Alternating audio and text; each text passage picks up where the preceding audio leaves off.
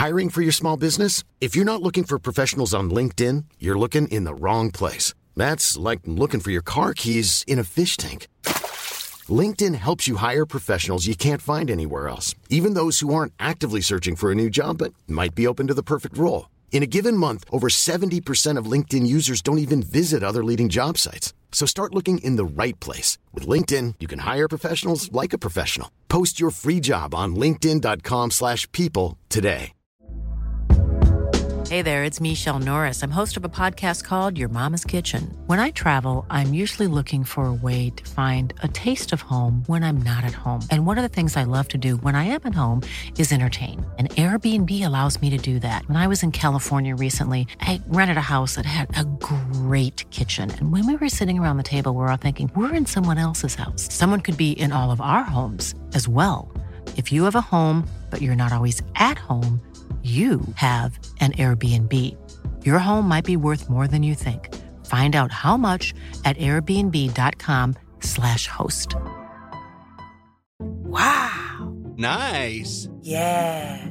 What you're hearing are the sounds of people everywhere putting on Bombas socks, underwear, and t-shirts made from absurdly soft materials that feel like plush clouds. Yeah, that plush.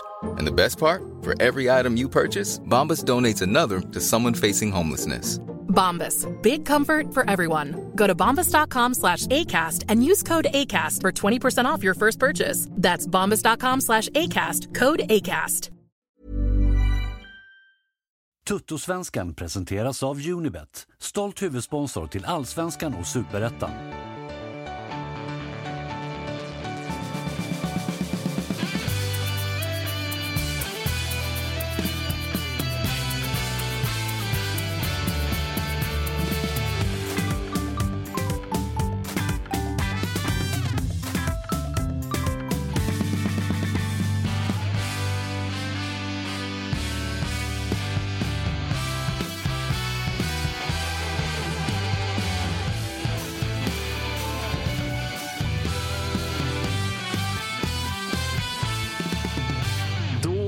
Fredag och eh, det gladaste, piggaste och härligaste avsnittet för veckan. Du lyssnar på Toto-svenskan och eh, vi slog alldeles nyligen fast att det är eh, rekordsen start på Toto-svenskan. Fem minuter, Kalle. Vad fan är det som pågår?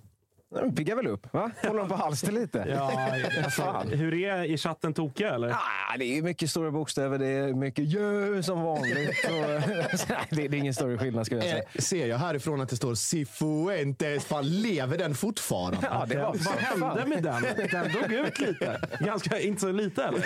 Jävla fort det gick. Ja, eh, Josip Ladan, eh, vi ska prata om ganska mycket Malmö FF idag. Det är, det är väl, eh, skulle jag väl säga, det laget som det har hänt eh, mest kring de senaste dagarna. Det har ju varit cupvecka, så att det har Mm. spelats lite fotboll, men ändå inga heta liksom, allsvenska matcher. så. Men vi ska Mm. prata mycket Malmö idag. Vad, vad tänker du kring det? Ja, det är väl bara för Kalle att lägga på Benny Hill-musiken under tiden jag pratar. För att sån jävla cirkus som det har varit. Exakt. Sån jävla cirkus som det har varit den här veckan. Rent medialt har det väl inte varit på väldigt länge. Börjar ju med, med eh, Peña eh, som vill bort och sen var det sälj av Birmancevic som gick igenom. Kommer komma till det. Och sen då missnöje, enligt eh, före detta kollega Johan Flink på Sportbladet, då, missnöje internt. Eh, och sen då kuppmatch på det. Och sen nu senast i förmiddags var det väl att Malmö har ingen dialog med Ola Toivonen om en förlängning av något kontrakt. Så att, ja, mäktigt. Det är stark, stark vecka. Ja, det, det får man säga. Och det är många som, eh, som gläds över att det är lite turbulent i Malmö FF. Jag är en av dem, men jag tror att Marcus Tapper är en annan. Ja, ja, men både och. Jag har ju börjat eh, koka lite för att Malmö och Elfsborg kommer in och blir de nya heta krislagen när det är vi som ska vara där den här säsongen. Eh, men det är, ju, det är ju härligt på de flesta sätt såklart. Du är sent inkallad höll jag på att säga, men vi skulle, vi skulle, du skulle ha varit med, men du är på plats, vilket vi är väldigt glada över. Du, du skulle på något gig i Lund, eller vad fan, men, men det blev inte så. Nej, jag eh, väljer av någon konstig anledning att jobba ihop med väldigt eh, sjuka män. Eh, och eh, min kollega var tvungen att ställa in vår föreställning, så jag sla- slapp åka till Lund. Eh, men eh, eh, kan ju vara här istället då. Eh, hörni, det blir ett eh, lite speciellt program ändå. Vi i studion, vi ska ringa, ringa ner till Olof, vi ska ringa Bernevall och snacka Sirius, vi ska ringa Glenn och prata ja, det riktiga krislaget IF Elfsborg. Och sen så, ja, Kalle, sista 30, någonting sånt. Ska Ja. vi köra lite frågelåda igen? Det var, Spännande. det var väl inför midsommar, va? Visst var det då Ja, hade- det var det, för vi snackade sill och nubbe kommer jag ihåg. Så Ja, det, det exakt. Mm. Så att, eh, det ska bli kul. Det har kommit in mycket... Breaking news också. Ah, kör. Eh, Brännström har sa- sagt upp kontraktet med Mjällby. Står det här nu i Sportbladet. Jävlar. Jajamän. pratade om det eh, i morse och, och igår med någon kompis att eh, har någon tränare kommit in och förändrat så mycket i Allsvenskan som Milos har gjort på ett halvår. Ja, Alltså, faktiskt. Alltså, Han kommer in och gör kaos i Bayern. Ja. Eh, Han kommer in och gör det som allt som hände i Malmö. Sen drar han till Röda Stjärnan, landar det jobbet på något jävla vänster och så tar han Brännström. Som ni- alltså, det, är en, ett jävla halvår alltså. Ja, det är starka sex månader. Det är som, eh, som att han hade något sånt här premium, eh, slippa ut ur fängelset-kort i någon produktion av Paradise Hotel. Man kommer in och ut av produktionen hela tiden. Bara får stir shit up. Känslan är att Milos kommer bli liksom, så som diskussionen har varit kring Blash som agent. Att vi vill inte jobba med honom. Det kommer bli Milos i allsvenskan efter det här. Att tar vi in honom, det är problem. Det är problem. Det blir, ja, vi, frågan är bara vilken klubb i så fall det skulle bli aktuellt för om man skulle komma tillbaka. Ja, Det var ändå Malmö och, eh, och Bayern. det- Stockholm är ju bränt, känns det ju som. Ja, ja det, det, det hoppas jag. det är ändå 50-50 att det blir AIK i så fall. Så att, Men med hans karriärsteg är det väl liksom nästa steg AZ kanske, sen Ajax, sen Barcelona. Sen, så Ja. Det bara går ju rakt upp för för Milos vad han än gör. ja, framförallt vet man ju att han är max ett år i Röda Stjärnan. Alltså Ja. max ett år. Det, det, han, det han har fördelen av tror jag i Röda Stjärnan är ju att han är local. Och att det är, liksom, det är ingen kulturomställning eller någon ändring på så sätt jämfört med Jens i, eh, i Split till exempel. Där det verkligen var så här från, på, från för, första presskonferens, kommer aldrig glömma det. Jens presenteras då, kommer dit i klubbslips, kavaj, alla är skitnöjda, glada. Jens får introducera sig på, på engelska. Och första frågan från lo- lokalreportern är till klubbpresidenten. När ska du avgå? då vet man att då snackar vi uppförsbacke deluxe. Ja, ja. Ja, men nu när du sa det, det ringer någon klockan. Otroligt. Alltså. Vad är, Josip, vad är dina... Du som ger oss eh, Jugge och Alibit här. Vad, vad, är, vad är dina känslor för Röda Stjärnan? Eh, Finns det någon sån liksom fortfarande? Ja, det är klart. Det är ju en av, eh, Röda Stjärnan är ju en av liksom Big Four från eh, XU-ligan. Liksom Dinamo Zagreb, Hajduk Split, Röda Stjärnan och Partizan. Och sen så hade man då Željezničar och Sarajevo från, från Bosnien. Men det var ju de som var liksom de stora fyra. Olympic Ljubljana kvalade inte in där. eller? Nej, det är väl motsvarigheten till Syrianska eller någonting. Så att det är väl, man brydde, liksom provinsklubb som man bara åkte och, och, och slog. Men eh, nej, och det, alltså med supporterna, det behöver man inte sitta och hålla några utläggningar om. Alla vet vad, vad Röda Stjärnan är och den spelartunneln och det stödet och den passionen som finns runt, eh, runt klubben och inte bara liksom i Serbien utan det är en stor klubb även liksom i diasporan. Eh, Så det är väldigt stor fanbase runt om i hela världen. Så att det är Eh, ett projekt deluxe och Milos då från Ass till Stankovic som nu efterträder eh, Stankovic också så att han vet väl lite vad han ger sig in på. Kanske inte riktigt samma naturliga pondus som eh, Dejan Stankovic hade med den spelarkarriären och den liksom framförallt fysiska eh, statusen som han kom ut med. Det var väldigt tajta kläder och väldigt mycket breda axlar. Fattades bara en guldkedja och en sig och sen så hade den varit komplett. Men eh, nej, extremt medveten om vad han kommer till 100 procent och tror att han är, han är nog redo för allt vad det innebär med liksom, från media till spelare till supportertryck till allt möjligt. Så. Fantastisk spelare Dejan Stankovic. När han var som bäst i Inter. Helvete vad bra han var. Ja, det var en jävla spelare. Eh, Men eh, vi borde ju se till att kunna ringa upp någon från eh, Mjällbyhåll på måndag. Liksom. För att eh, vad det här gör med Mjällbys säsong blir ju intressant att se. De har ändå överpresterat enormt ju och varit väldigt bra. Ja, exakt. Det, och, verkligen, det, ska, det ska vi verkligen göra. Också så utifrån att, eh, som vi pratade med Mjällbyfolk innan och i början av säsongen att det har varit turbulent kring tränarposten i flera år i Mjällby. Och nu, nu kändes det lite som att i alla fall såklart Mjällby-supportrarna hoppades att så här, det här ska vara våran tränare åtminstone ett par år nu. Sen som med alla mindre klubbar, gör du det bra, det är klart att du får ögonen på dig. Men att det skulle liksom i- efter 20 omgångar, eventuellt om det där stämmer, bli, bli tränarskifte. Det, det var ju såklart ingen som trodde eller eh, hoppades på det i, i Mjällbyled. Så att, eh, ja, intressant. Vi får, vi får eh, kolla vad det blir där och kanske också försöka ringa Brännan vad det lider. Jag gissar att han inte kommer vilja kommentera någonting innan någonting är klart. Men, Nej, eh, jag ska, jag ska läsa här då vad Mjällby säger på sin, med citat då från Brännan. Eh, Mjällby AIF har i samtal med Andreas bestämt sig för att utvärdera erbjudandet alltså från Röda Stjärnan. Eh, något som gjordes i tisdags och där klubben tackade nej till att släppa Andreas. Eh, för Mjällby är det inget konstigt eller unikt att vi utvärderar erbjudanden på spelare och ledare och sätter det i relation till vad som är bäst för föreningen. Bla, bla, bla. I Andreas fall så finns det just nu inget bud att överväga och Andreas är fullt införstådd med situationen och inställd på att fortsätta. Och så säger Brännan själv då, det är ingen big deal och det är inget som påverkar mig eller spelarnas uppladdning inför kommande matcher. Ehm, Det är då alltså kontraktsfrågan här som är, som är liksom kärnan. Många trodde när Brännan skrev på att det var ett tvåårskontrakt straight up. Och nu visar det sig då att det är ett plus ett. Med då att någon eh, part kan säga upp avtalet eh, om den så önskar. Oavsett liksom sportsliga resultat och sådär. Och där fanns ju då, om man tittar på Mjällbys ledarkonstellation, så fanns ju liksom Stefan Ekstrand med eh, många, år, eh, många års erfarenhet från föreningen och Patrik Winqvist som liksom backup ifall Mjällby skulle ligga och kriga i botten. Så att man hade väl någon form av sån liksom lösning redan på förhand om det skulle skitit sig för Brännan. Nu har det gått tvärtom. Eh, Så att det är väl, det är väl bara Det som blir intressant också då, tänker jag ändå. eh, Det beror ju såklart på hur Milos och Röda Stjärnan eh, väljer att agera beroende på vad som händer med den här situationen. Då. Men man får ju anta då att det har kommit in ett bud, alltså ett Mm. ekonomiskt bud. Säkert bra med liksom Mjällby mått mätt. Det är tio matcher kvar av säsongen. Mjällby kommer inte åka ur, de kommer inte heller ta en Europaplats. Alltså, vore det så jävla dumt att acceptera det då? För att jag menar så här, vi säger att Röda Stjärnan är, nu kanske det är så att de är så här, vi vill ha det här och nu.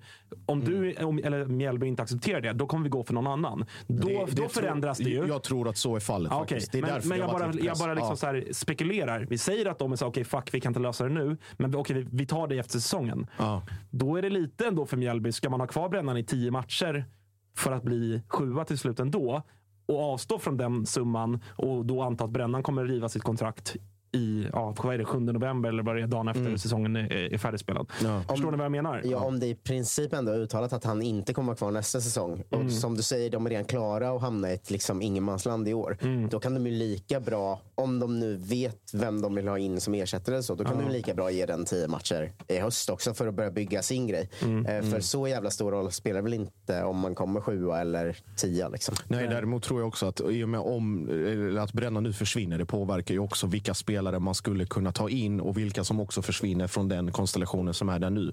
Till exempel då både Jetmir Haliti och Amir Alamari som har varit under Brännans ledning, där Mjällby har en köpoption på dem. Jag tror inte kanske att det är lika säkert att just de två väljer att stanna aktivt i klubben om Brännan inte är tränare. Trots att det finns då de valen. Att de kanske gett mig gå tillbaka till AIK eller Amir, Amir till IFK Göteborg. Men, men det för, förändra, kan ju inte förändra så mycket heller av att om han avgår nu eller om tio matcher. Liksom. Nej, nej, nej, men jag menar liksom att om vi säger de här tio matcherna, då kan vi börja då planera liksom under hösten, planera inför vintern, se över truppstatus redan nu. Ska man fortsätta att spela med de här spelarna för att uppnå så bra sportsliga resultat? Eller kan man redan nu börja med att trycka upp liksom ännu yngre och ge Otto Rosengren ännu fler minuter än man har fått istället för Alamari och liksom den, den balansgången. Och då det ger Mjällby eh, kanske lite mer utrymme att, att agera även liksom på vem som ska efterträda. Så att, ja, det är hur man än gör och, och vrider och vänder på det. Så jag tror till och med att, att Brännan hade kunnat tänka sig en, eh, liksom, att bränna inne de fyra månadslönerna som är kvar till exempel. Att om det hade varit en sån, så är bud från Röda Stjärnan, Brännan säger jag skiter i min lön, släpp mig nu bara. Men Ja, alltså vad har Brännan i, i Mjällby? ja, det är också en fråga. 30 brutto eller? Jag vet inte fan. Inte så långt ifrån. Alltså. Men det får liksom arbetsgivaravgifter och, och hela Jo, det kalaset. jo, så att det, Mjällby, hade man, hade man varit liksom så i den positionen att man verkligen behöver spara pengarna så hade man nog kunnat göra det också. Nu har man ju plus ekonomiskt och allting vad det innebär. Ja, Det intressant att ryktades, se. eh, ryktades ju att Malmö vi- ville ha Brännan nu en del ju. Ja, det Kan det, ryktas så ju att han, fortfarande. kan det varit så att han hade tackat ja om Milos var kvar? Att han hade fått gå bakom där också istället bara? Det är det som är drömmen. Vadå, att han hade varit ass till Milos? Nej, Det är det han I drömmer Malmö? om. Ja. det vet jag fan. Då tror jag hellre att han tar ett assjobb utomlands än att vara ass i Sverige. Det känns lite gjort. Eh, hörni, vi, ska, vi ska gå in på lite Malmö FF. Måste ju bara börja med, som sagt, det har varit cupvecka. Eh, Vi Mm. ska prata lite grann om det också. Fan vad, alltså den här, den här matchen, den omgången som är liksom kvalomgången till Svenska cupen. Alltså den, den är fantastisk. Det är det bästa. en av Årets bästa vi har. Ja, alltså kanske. Ni fick ju deppigt liksom i förort i Stockholm. Den är ju trist. Men det är väl härligt för mig och jo, de andra det som är, bor i Stockholm. absolut, jo, absolut. Autonoma, Men det- autonoma... Snoka Stockholm. Vi satt och laddade upp på Östra station från klockan 14 igår. Oj, oj, Sen åkte oj. ut till uh, Täby. Peking Stockholm looking for trouble. Auto, autonoma Snoka Stockholm, tack. Ja, Förkortat sorry, sorry. ass. Ja. Ja. Eh, nej men fan vad, jag, jag, jag kollade ju såklart på AIKs match. Det var, eh, det var ju en speaker där som, fick, eh, som stal alla rubriker efter matchen. Det var en sån liksom, riktig klass. Hon bockade liksom av. Där hade man kunnat köra det här liksom, lands, fo, landsortsfotbollsbingot. Så här, eh, en bil med registreringsskylt ASP 729 Det var en Tesla felparkerad. också, va? Ja, det var en Tesla. Såklart. Kviborgs va? Eller Ja, det, ryktas som att det var Kviborgs. Eh, du, du står felparkerad och eh, står just nu på äldreboendets parkering. Älskade man ju. Det där, det där händer fortfarande på Ja, det Strandvallen. händer- ja, men- på Strandvallen ja, än, idag. ja, än idag. Du, du, och då är det inte ens regnumret. Du, Blå Passat här vid ambulansingången. Du får ge, ge fan i att stå där. Ja, men då, det, var liksom, det, var någon, det, var, det var också så här. Eh, ta gärna med skräpet efteråt så att vi slipper städa. Riktigt bra. Det var ja, mycket sånt. Så jag vill bara liksom ösa kärlek över, över alla våra små, små fotbollsklubbar där ute. Täby hade ju en barnklack, vilket var märkligt. Ja, du luftrunkade mot dem också såg jag. Eh, en, en dag blir du omhändertagen Tapper, det vet du. Det, är, Men alltså, vad ska jag göra? De körde... De, jag inte, de var ju störiga. ja. Men eh, hur, eh, vi, vi ska vi börja lite där då? Det var... Hur, alltså så här, jag, jag hade, hade, jag hade, hade en diskussion med en Göteborgs-supporter. Vad händer Kalle? ja, det var otroligt eh, svagt, eh, svag nivå i chatten ett tag och du sa att de måste höjas lite. Och så. De måste, du får väl bjuda på lite bättre content. Kör en August kissing prank. Det vill säga att jag ska vända mig om och bara pussa dig. Det hade, sjukt hade det Då varit. hade, jag, då hade jag blivit chockad. Det är alldeles för, för mycket fredagsstämning i chatten. 100%. Ja, verkligen. Eh, Du, du träffade Leo Jägerskiöld, numera Villander, eh, producent på Simor. Det var trevligt, eller? Ja, men han, han gick ju hem efter en kvart. Eh, så ropade, ska du gå hem nu? Efter, nej, men eh, han, han skulle hem och jobba eller ta hand om barn eller vad det var. Okej. Eh, så han var där. Men det var en trevlig match. Det, var ju mer, alltså det är alltid trevligt att komma till en sån match överlag tycker jag. Men eh, vi var alltså, i delar av matchen utspelade av Täby som ligger i botten i division 1. Liksom. Och då hade ni ett ganska bra lag. Ja, det var ju, det var ju eh, Arne Sigurdsson och Traustason och gäng som sprang upp. Alltså tänk när, när Sigurdsson för fyra år sedan, var det, va? tre år sedan, avgjorde mot Real Madrid i Champions League. Undrar om man såg det här framför sig då? Att jag kommer harva och vara utspelad mot Täby borta i Svenska cupen, kvalrundan. Likadant så Trasten när han gick utomlands och Gudjonsen, värvad till Real som supertalang för tre år sedan. Att de har hamnat här, alltså, Ja. vilket eh, vad deppigt det var. Men eh, det, om jag ska ha någon kritik mot matchen så är det väl barnklackens timing på ramsor. Eh, att de, de började köra framåt Täby in med bollen. Hej, hej! När de hade så frispark utanför eget straffområde. Det var ju inte, inte alls någon timing. Ni kan inte börja forcera in bollen när ni liksom ligger i försvar. Eh, Marcus Tapper, förskolepedagog. Ja, man får gissa att det här kanske var primärt liksom ungdomsspelare i klubben som inte liksom kanske hade den skolningen på en ståplatsläktare i liksom elitfotbollen. Ja, och där ser man vad en capo kan göra.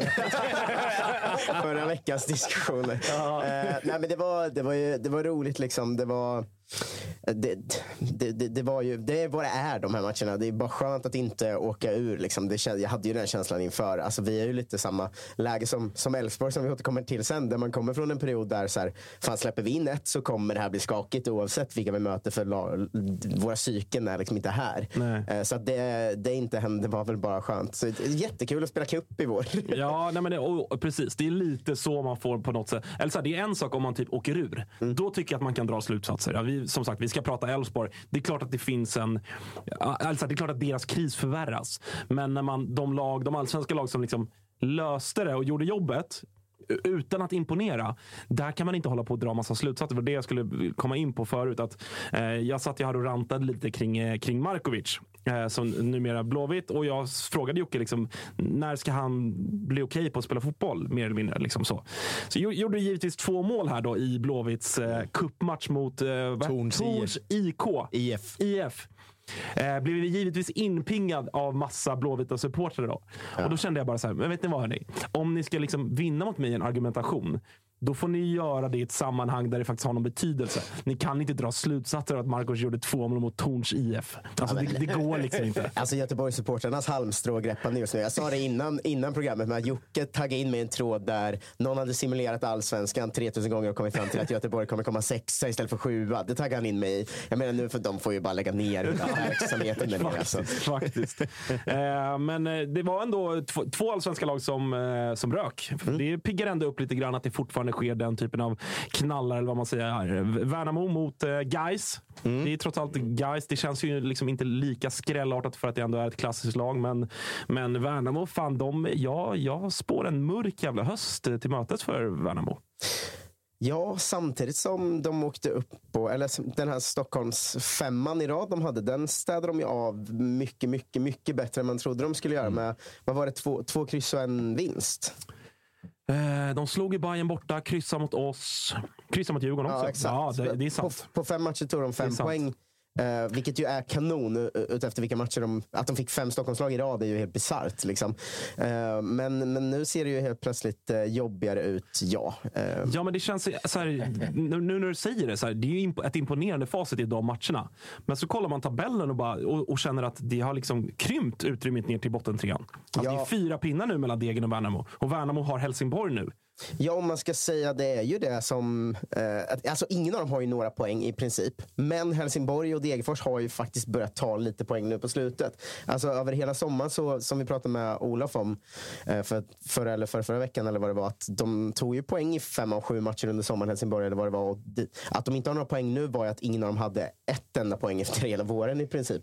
Så att eh, även om Värnamo tagit fem poäng har ju Helsingborg tagit fler under samma tid och Degerfors också. Så att eh, de andra har ju börjat vakna minimalt i alla fall samtidigt som Ja, ja, Värnamo måste ju, måste ju också göra det om de inte ska dras in ordentligt i det där tror jag. Eh, vi, sista, sista grejen jag tänker vi ska ta i Pekingled som eh, faktiskt otrolig grej. Det är alltså att IFK Norrköping som klubb har alltså polisanmält polisen efter eh, en händelse som hände efter er hemmamatch mot AIK. Du får, du får berätta Tapper. Ja, jag, jag vet inte mycket mer än det som kommunicerats ut ska jag säga. Eh, så jag kan väl bara ta det som har kommit ut och det är att eh, IFK som du säger polisanmäler en polis för att en SLO har blivit utsatt för våld. Då. Eh, och SLO-erna har, har ju sina jackor på sig och det syns ju tydligt att de är SLO-er i de här sammanhangen. Eh, så att de, de har polisanmält en polis eh, som har ja, på något sätt utsatt en SLO för våld, vilket ju är helt, är helt sjukt i sig. Ja.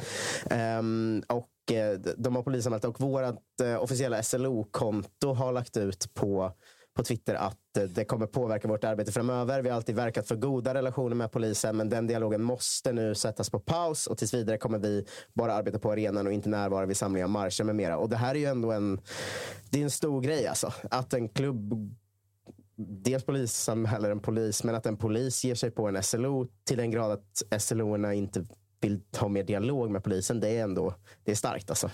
Ja, det får man verkligen säga. Ja, Jag vet att AIK var, det var en liknande situation i AIK, jag tror att det var 2019 nere i Helsingborg. Eh, så var det samma sak då. AIKs SLO, det blev stök i insläppet, eller utsläppet var det. Eh, polisen skulle gå in och, och gripa bengalbrännare och SLO var där för att det är SLOs uppgift att på något sätt medla och, och lugna situationer och så vidare. Åkte också på spö. Liksom. Mm. Eh, och det är ju som du säger, det är en utveckling som är, ja, den är så absurd och, den, och den, är på, den är på riktigt farlig. Alltså när klubbarna, det är en sak att vi sitter här eller supportrar på läktaren är arga och, och inte vill ha en, en liksom dialog med polisen. Men när våra egna klubbföreträdare inte vill ha det och säger att vi kommer inte närvara som klubbrepresentanter ute på gator och torg inför matcher. Det är en jävla farlig utveckling. Ja, SLO'n har ju varit en så jävla viktig roll de senaste åren. För det har ju växt, eh, alltså dels med antalet SLOer som finns, men också hur, hur viktig roll de har haft med villkorstrappa och bråk och stök. Allt där. De har ju blivit mycket mer närvarande. Liksom. Ja, alltså det, det sättet som, som svenska SLOer arbetar på och just hur det har varit så framgångsrikt har ju också lett till att det blir utbildningar i andra länder. Alltså till och med i Tyskland där konceptet var liksom först ut av alla åker svenska SLOer för att liksom utbilda och informera och berätta om hur det funkar i, i Sverige. Och sådana sammanhang. Malmö har ju också haft en, en incident där SLO blev eh, då fysiskt eh, attackerad av, av en grupp Eh, poliser. Inte en, utan flera.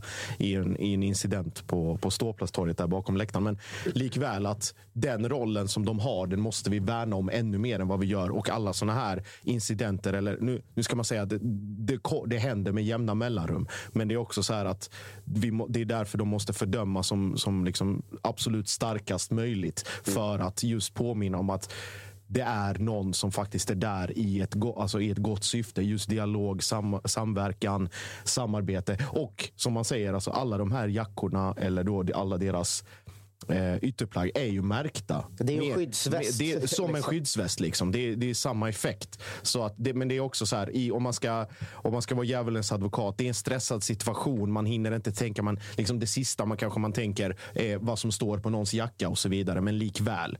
Alltså, Så mycket dialog och så mycket som det har pratats om det. Och polisen som till och med går tillbaka till att arbeta enligt SPT, då, sä- särskild polistaktik, i de här situationerna. Så ska det finnas liksom möjligheter till att inte gå från noll till hundra, utan kanske liksom Ja, man, utifrån man kanske som polis inte måste ha så jävla nära till att dra fram batongen hela jävla tiden. Det kan ju också vara så att det kan finnas ett litet, ett litet spann däremellan där man kanske kan läsa av situationen, andas två gånger och sen, sen agera som polis också. Ja, men om man ska- också ska se vart vi är ex, exakt just nu i svensk fotboll så har det varit rätt stökigt med Ultras bråk på sistone. Vi vet alla, allt som pågick på derbyt. Det har varit ganska mycket slagsmål på, på gator och torg i samband med många matcher. Och i en sån tid där det varit ganska oroligt, ganska mycket stök, där är ju SLO-erna liksom viktigare än någonsin. Så att det är så jävla dålig timing också att råka spöa på en SLO. Liksom. Nu vet jag inte om det var spö på som hände, men, men ni fattar vad jag menar. Att det här behövs inte just nu där SLO, om det nu fortsätter vara rätt stökigt runt matcherna så är ju SLOns roll liksom, kanske viktigare än på länge. Då. Eh, att vi då ska hamna i en situation där våra SLO inte kommer vara på plats på stan längre på grund av att det är oenligheten med polisen. Liksom. Det, är, det är för dumt. Alltså. Eh, Det får man verkligen säga. Jag tänker att vi, vi ska blicka lite mot eh, ditt kära Malmö FF, Josip. Och, eh, ska vi börja i änden Veljko Birmancevic som ganska sent igår kväll blev officiellt att han lämnar MFF, klar för franska Toulouse. Yes. Dina tankar kring det? Eh, utifrån alla förutsättningar och med, med allting vad Velko har gjort, eh, framförallt i Europamatcherna, så är det väl bara att tacka för, för den här tiden. Och då framförallt så förstår jag utifrån Velkos perspektiv att det, det är egentligen drömläge att sticka nu när det går så pass svagt sportsligt eh, på hemmaplan i alla fall. Det väntade visserligen Europaspel och hela den grejen, men han har både liksom spelat CL, spelat EL, vet vad, innebär, vet vad det innebär och har bevisat sig på den, eh, på den nivån. Och då när det kommer då enligt de här uppgifterna, de här siffrorna redan nu, eh, innan de här sex gruppspelsmatcherna, liksom, så är det bara för Malmö att, eh, att signa och ta pengarna och gå. Det går, kom uppgifter från allt från 35 miljoner euro till serbiska uppgifter om 42, eller 35 miljoner euro, 35 miljoner kronor. Serbiska uppgifter om 42 miljoner och så sent som igår Expressen och lokalreporter i Malmö, Johan Dolk Wall, med bra koll på MFF, som pratar om 50 plus då en ganska saftig vidareförsäljningsklausul. Så är det, är det där omkring siffrorna hamnar så är det bara att, att applådera. Eh, För med tanke på den minst sagt varierande eh, form som, som har visat upp, i alla fall det senaste året. Ja, alltså, skulle det bara... Skulle det, alltså, du, får liksom, du behöver inte hålla med mig, men, men alltså, skulle det vara 30 eller 35, det som det pratades om ursprungligen, Ja.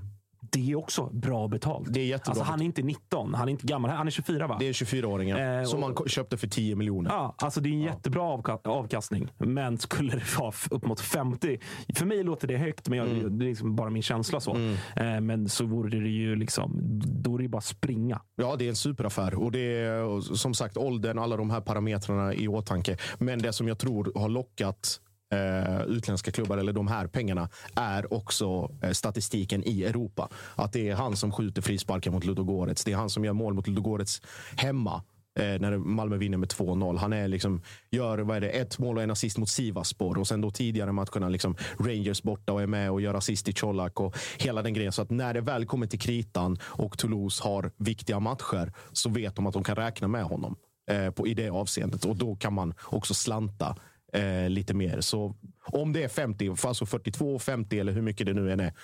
Applåd. Det, Man Ja. betalar väl för utväxlingen som borde komma också. Alltså, det har vi snackat Ja. om förut, men de, de underliggande siffrorna han har den här säsongen är ju väldigt mycket bättre än poäng, poängskörden. Är liksom, så att Det är en spelare där det borde lossna mer än det har gjort. Mm. Ja, det det, ju- det betalar man ju också för. Liksom. Ja, det är ett par solklara missar. Ska aldrig glömma den mot eh, Sirius när han missar från eh, 20 centimeter och bollen går över ribban. Den, Och den är faktiskt helt Två stycken mot Mjällby. Så att det var liksom både himmel och helvete med Velko i, i många avseenden. Men tack för alla mål i, och assist i Europa och alla insatser och tack till 42 till 50 miljoner.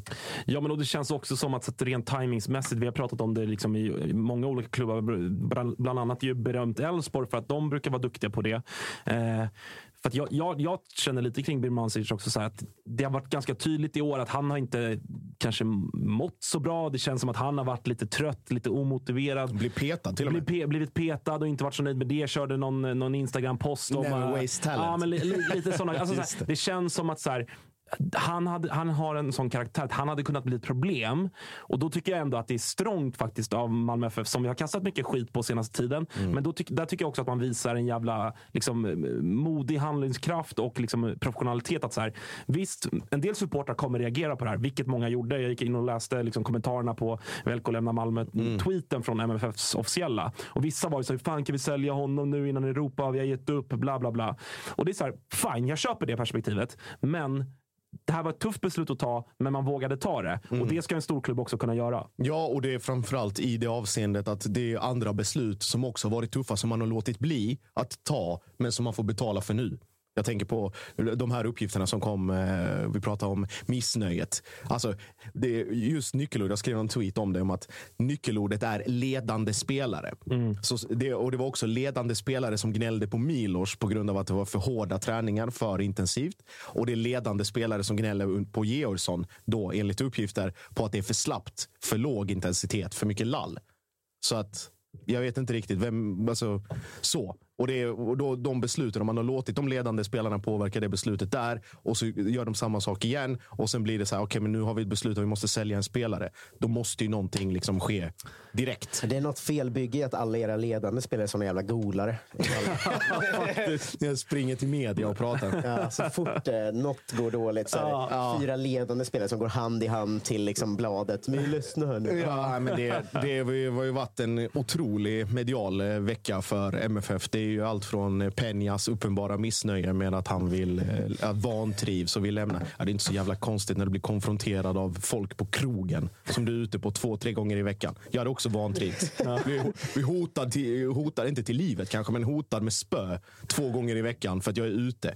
Antingen så skiter du i att gå ut eller så fortsätter du få leva med det. Det är väldigt enkelt. Men fan vad han har eh, den liksom, hela utstrålningen av att bli en sån som inte trivs. Och vill, liksom. alltså, sen sekund ett har man ju sett att är, någon gång kommer han sluta trivas. 100 procent. Han, han har lite det här som vissa, eh, nu går jag liksom lite internationellt, men vissa italienska spelare saknar mamma. Saknar mamma. Ja, sen ska man också, alltså Peña har inte haft det skitlätt privat heller. Han är ju skilsmässa och hans dotter bor långt bort och det är exfrun i Peru och allt möjligt och landslaget och ska härja fram och tillbaka. Men då kanske inte det är optimalt att gå ut på vissa uteställen som Koi eller Etage i Malmö och leka där, leka ball och obrydd och att don't worry guys, we will kill them in the next game och sen torska och sen tro att man ska komma undan med det. Men det är bara ett exempel. Liksom. Så att där och sen då Velko och sen de här ledande spelarna som gnäller och sen vad fan var det mer? Just det, idag, Fotbollskanalen. Eh, Malmö FF för tydligen ingen diskussion med Ola Toivonen om någon förlängning. Och även den här listan ju. Ja just det, Kra oh, fan, den har vi, inte. vi kommer till den. Vi kommer till den listan. Ja, just det, kravlistan Ja. där. Den automatiska kravlistan till, till Brålanda.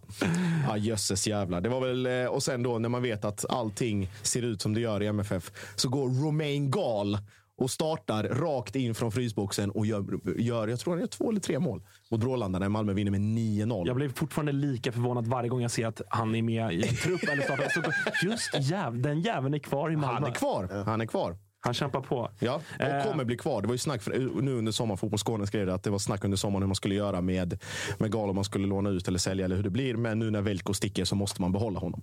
Hur långt skrev man med honom då? Fyra år? Ja, jag tror det var något sånt. Och sen så vet, vet jag att de har en, eh, en, han har en sign-off. Så att den dagen han eh, lämnar, eller kontraktet går ut, så ska han ha två miljoner i handen. Mäktigt. Vad fan är det för Nej, jävla fråga, grej? fråga mig inte. Otroligt alltså. Eh, ni blev blåsta helt enkelt, eh, kan vi konstatera. Men om vi ska ta hela den här liksom, eh, missnöjesgrejen som, som läckte ut. Det var väl eh, din kollega Flink var på bladet som, som skrev om det. Stämmer. Eh, icke namngivna spelare. Eh, Ledande var det. ledande spelare så att man kan väl liksom lite grann lista ut vilka Ja. vi har att göra med. Så här, de som följer dig på Twitter och har hört Mm. dig här, de- vet ju lite grann din take. Du, du liksom vill rikta fokus mot spelarna och, och liksom rikta kritiken mot dem. Fine, jag köper det. Jag är den första att så här, tycka att spelare ofta liksom slipper undan kritik lite för lätt. Det var lite samma med AIK. Bartos fick bära hela hundhuvudet medan samtidigt som spelarna underpresterade. Och jag tycker att spelarna får för lite skit generellt kring sådana saker. Men om det här stämmer, det, det jag liksom tänker kring, kring Georgsson, då, för det var mycket kritik mot honom. Eh, Dels att han liksom tog över som interim, men även som sportchef. Vad tänker du kring hans framtid? Om det, om det här stämmer att det ändå är så pass många, det pratas om fyra, fem bärande spelare som liksom mer eller mindre pissar på Georgsson ute i media. Vad tänker du om hans framtid i Malmö FF utifrån det? Jag tycker inte att man ska lägga så... Alltså just, just, det beror på hur man tolkar ledande spelare och varför de gör som de gör.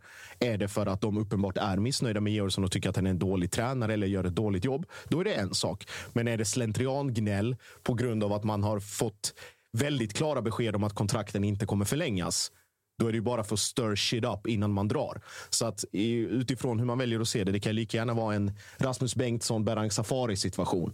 Där Jon Dahl inte tog någon pardon överhuvudtaget utan fasade ut Rasmus Bengtsson direkt och gjorde, sam, och gjorde med Berang Safari att han liksom sakta men säkert plockade bort honom och där det var cupfinalen mot Blåvitt när han halkade som fick bägaren att, att rinna över för, för Jon Dahl där.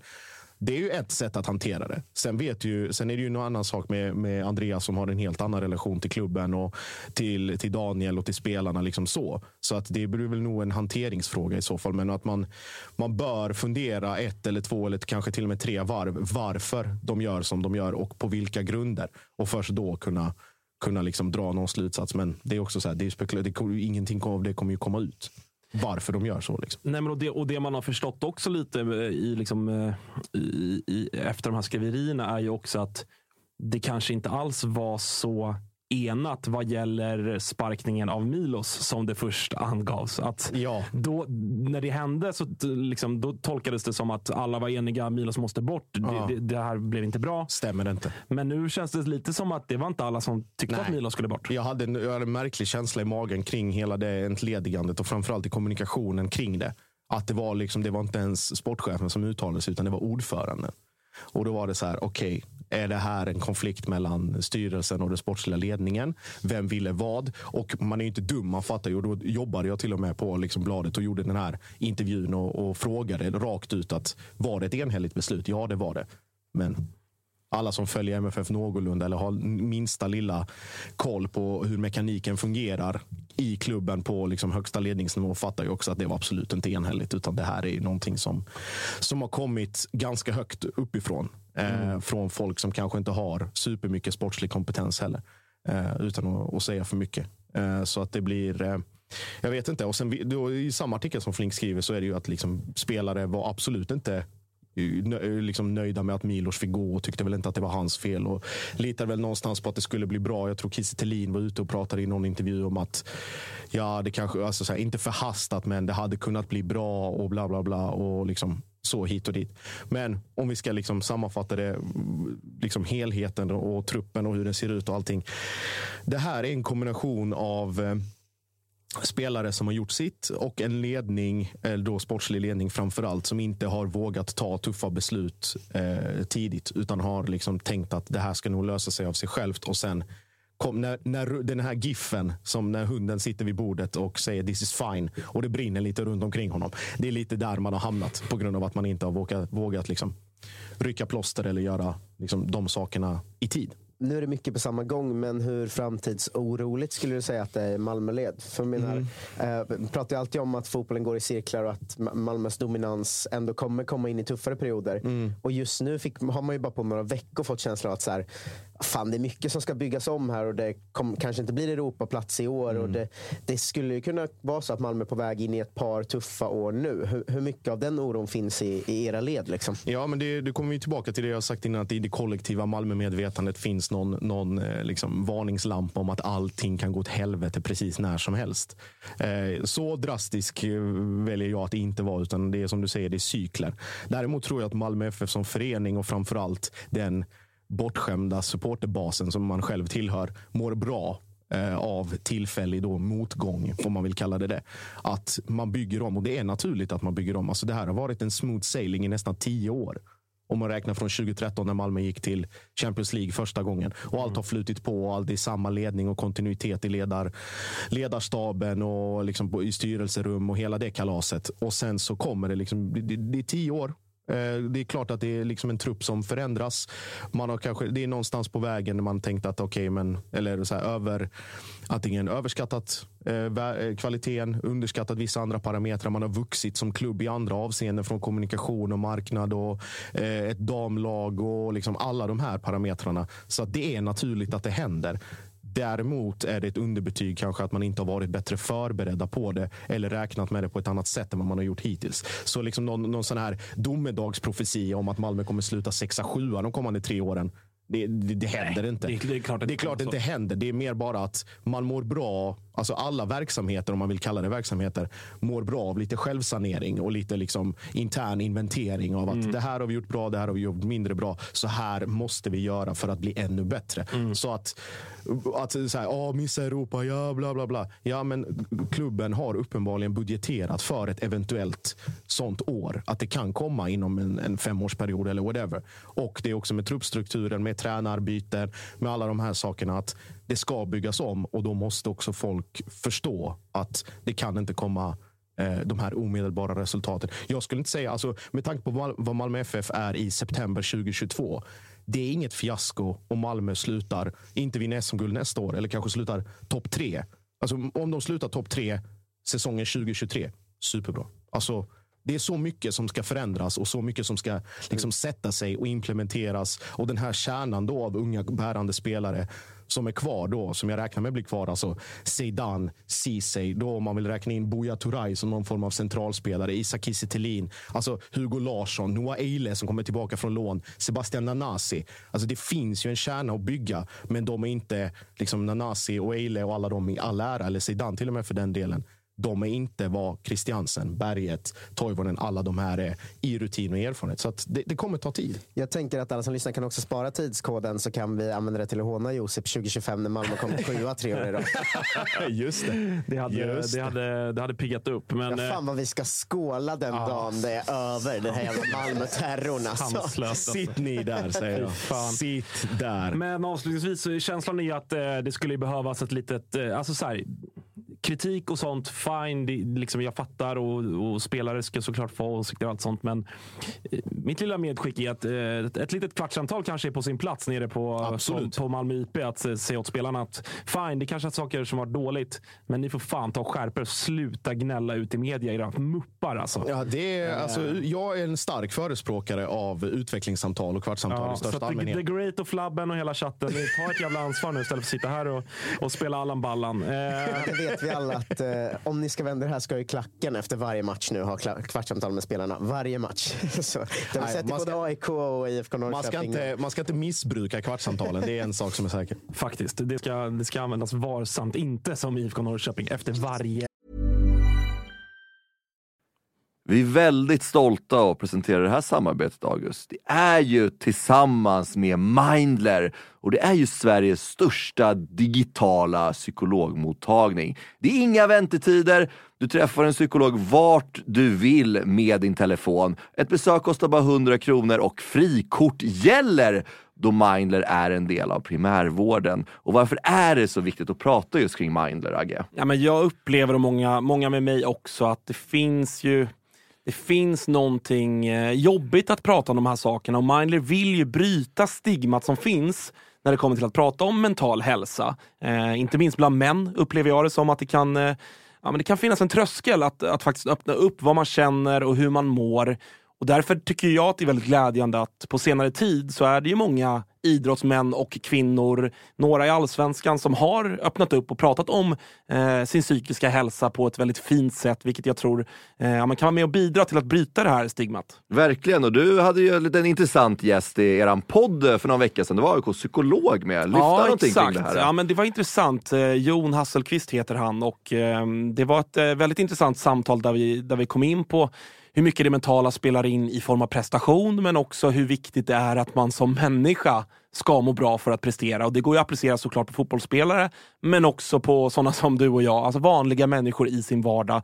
Att det är, eh, det är viktigt att lyfta upp det här till ytan och att eh, hantera det. Verkligen, och känner ni att ni vill ha någon att prata med så finns ju Mindler där för er. Och det som är så himla bra är att du väljer själv vilken psykolog du vill prata med och du kan byta om du känner att ni inte riktigt klickar. Och Mindler finns ju för alla som är plus 18 år. Så gå in på mindler.se och läs lite mer och boka din tid hos en psykolog redan nu om ni känner att ni behöver liksom hjälp kring det här ämnet. Stort tack till Mindler.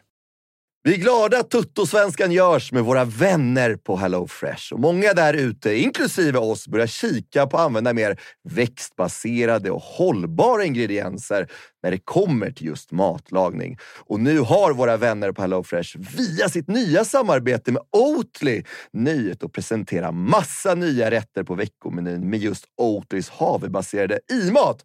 Och varför i-mat, Dage? Ja, men det är väl kanske en fråga man ställer sig, men det är ju så att det är en ingrediens med 61 procent mindre eh, CO2-utsläpp och 83 procent mindre mättat fett än traditionell grädde. Så det är ett väldigt bra substitut. Ja, men och denna vecka så har vi kollat på HelloFresh hemsida och eh, botaniserat lite kring recepten som innehåller just i-mat. Och min tydliga, tydliga favorit är den soltorkad tomat rigatonin som ju har då lite soltorkade tomater, det är körsbärstomater, det är rucola, zucchini, riven ost, Ja, men ni hör, en väldig massa smaskiga grejer som blir en krämig pasta. Just att använda rigatonin, Freddy, som jag vet att du gillar också, som just suger upp all den här såsen. Mm, den är en favorit hos mig. Verkligen, och jag gick faktiskt händelserna i förväg och testade redan förra veckan deras medelhavsinspirerade räkgryta med just i-matsåsen och sen lite, lite, lite fint långkornigt ris. Eh, och Agge, vi har ju som vanligt en kanonkod också med våra vänner på HelloFresh. Den, den, den, den hoppas jag folk kan nu. Ja, det är ju Fresh Tutto.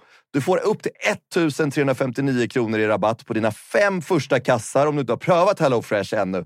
Plus fri frakt på den första matkassen. Och det som är så bra, har du inte använt HelloFresh på över 12 månader så gäller koden även dig. Så gå in på hellofresh.se och lägg en beställning på en riktigt fin matkasse redan nu. Testa HelloFresh, testa Oatlys i-mat. Vi säger stort tack HelloFresh.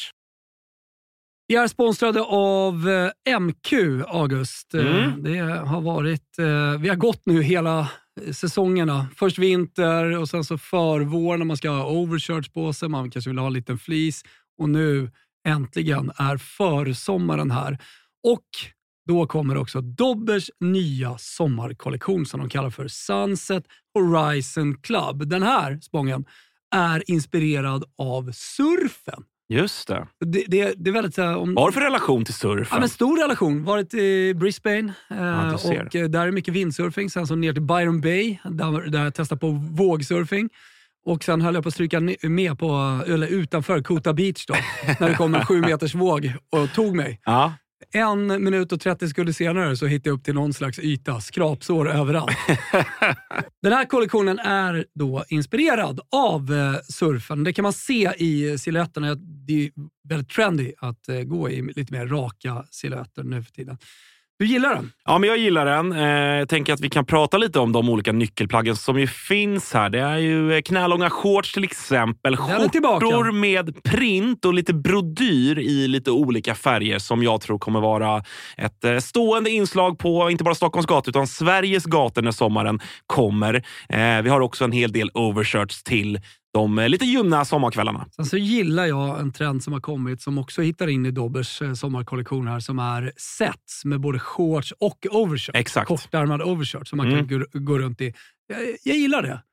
Så är det. Och även eh, linnet. Det är mycket olika typer av eh, texturer och material i den här kollektionen. Linne står sig fortsatt starkt, men det finns också en eh, he- hel del tencellskjortor och, och annat. Bomullsutmanaren Tencel. Ja. Om ni inte har testat det så kan jag rekommendera. Väldigt mjukt, luftigt, härligt. Ja, men så är det. det finns någonting för alla. Hur gör man då för att handla det här, Thomas? Jo, man går in på mq.se eller så besöker man sin närmsta MQ-butik. Eh, Där hittar man ju såklart eh, Dobbers sommarkollektion som alltså heter Sunset Horizon Club. MQ.se eller någon av butikerna. Vi säger stort tack till MQ match. Eh, hörni, vi ska prata lite Helsingborg också. Eh, Olof Möller, visst fan är du kvar nere i Sundets pärla? Ja, jag kan ju bara visa lite av utsikten. Man sitter vi här. Det inte... Oj, oj, oj. Ah, klart, han, inte eh, klart, klart han filmar Danmark. Det är... eh, Det, är- det, är- Jockes jävla Göteborgsfilmer kan ju bara stänga sig i veckan. ja, faktiskt. Jag säger, jag säger som jag alltid har sagt Olof, det bästa med Helsingborg det är färjan därifrån. Ja, agree to disagree min vän. Agree to disagree. Hörru, när, när, eh, när kommer du tillbaka till Stockholm? Det är väl snart, eller? På söndag Söndag. kommer jag tillbaka. Härligt, Mm. härligt. Du, jag satt ju och, och eh, gjorde lite narr av er här i, i onsdags och sa, slog fast att Helsingborg, de ryker i kuppen mot, vilka fan mötte ni? IK, IK Tord? IK Tord. Tord. Men Ja, sex, ej, ej att förväxla med Torn då, va? det är för många liksom där med i det här ärendet. Men Tord. sex jävla noll. Det, det är ändå ett, det, det är ett styrkebesked. Ja, eh, det finns ja, jag har lyssnat lite på er här nu. Jag lyssnade på avsnittet senast. Det, är klart att eh, det där är en match som vi bara ska städa av. Men med tanke på att innan det här så hade vi väl tre av de fem senaste åren åkte vi ur i den här rundan. Så att det är uppenbarligen ingenting vi bara städar av. Ni städar inte av men det finns väl vissa saker att ta med sig därifrån. Och det var väl bland annat att den nya anfallaren Mushin gjorde tre mål. Eh, Det tycker jag väl är det viktigaste eftersom vi har haft så enorma problem med vårt anfallsspel. Så är det i alla fall ett hattrick på honom är någonting att ta med sig där känner jag. Fan, det bär väl du som en krona. Det var väl förra gången vi snackade för en och en halv vecka sedan som du hypade upp honom lite. Ja, ja, ja, ja. Men du vet ju, jag är ju knivskarp i mina analyser hela tiden. Så det är ju Eh, det är du, bara vanligt. Olof, eh, den an, eh, stora grejen och huvudanledningen till att vi ringer dig och det som har varit liksom diskussionspunkten i, i HIF senaste dagarna är ju Armin Gigovic som Mm. lämnar Helsingborg, går till Danmark och Odense, va? Visst är det så? Mm. Du har, ju, du, du har ju twittrat lite om det här och, och, och sådär, men alla som, de som inte följer dig där och, och så. Vad, eh, vad är eh, tanken och känslan kring, kring att han eh, lämnar er? Eh, alltså det är lite dubbelt. Du och jag skrev också lite. Det är ju lite också sådär hjärta versus, versus hjärna. Liksom. Eh, det är klart att jag hellre hade sett honom vara kvar eh, med tanke på den sommaren han har gjort framförallt. Den har varit väldigt, väldigt bra.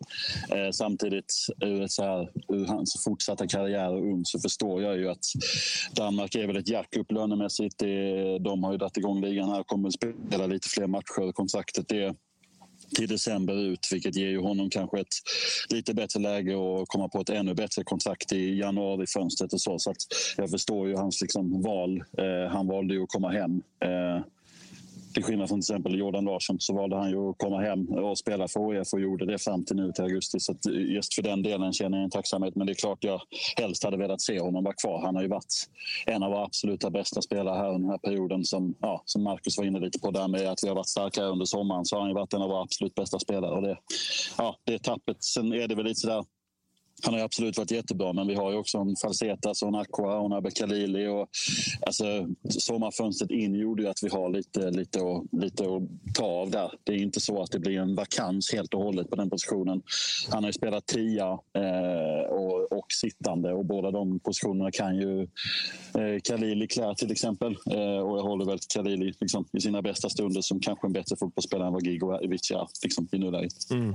Alltså, jag, och som sagt, vi, vi skrev lite om det här i, igår var det va? Eh, och, alltså, jag fattar ju också Gigovic rent karriärsmässigt. Eh, men det jag känner lite, som du är inne på. Han skriver alltså ett kontrakt till eh, dec december ut i Odense. Det är inte, alltså jag hade kunnat köpa det om så här, Odense alltså de, de hostar upp ett treårskontrakt på bordet för Gigovic. När det är ett korttidskontrakt även där, då känner jag i alla fall lite grann att så här, det är en Helsingborgspåg, det är liksom en av era. Han har ändå på något sätt varit med och satt er i den situationen ni är i. Han förlängde visserligen låneavtalet en gång med två månader eller vad det var, nu till sista augusti. Jag reagerade lite och kände, oj, det där var inte snyggt gjort. Alltså, om, om, om du liksom försöker bortse från hjärnan, känner du ändå inte någonting att så här, du har fan ett ansvar här, Gigovic? Alltså det, det är väl där det hjärtat kommer in. att jag, jag vill ju att han ska vara kvar och tycker att han kanske skulle ha varit kvar. Eh, så det är väl liksom lite rationalitet mot magkänslan. Lite så, så att jag förstår verkligen var den poängen kommer ifrån.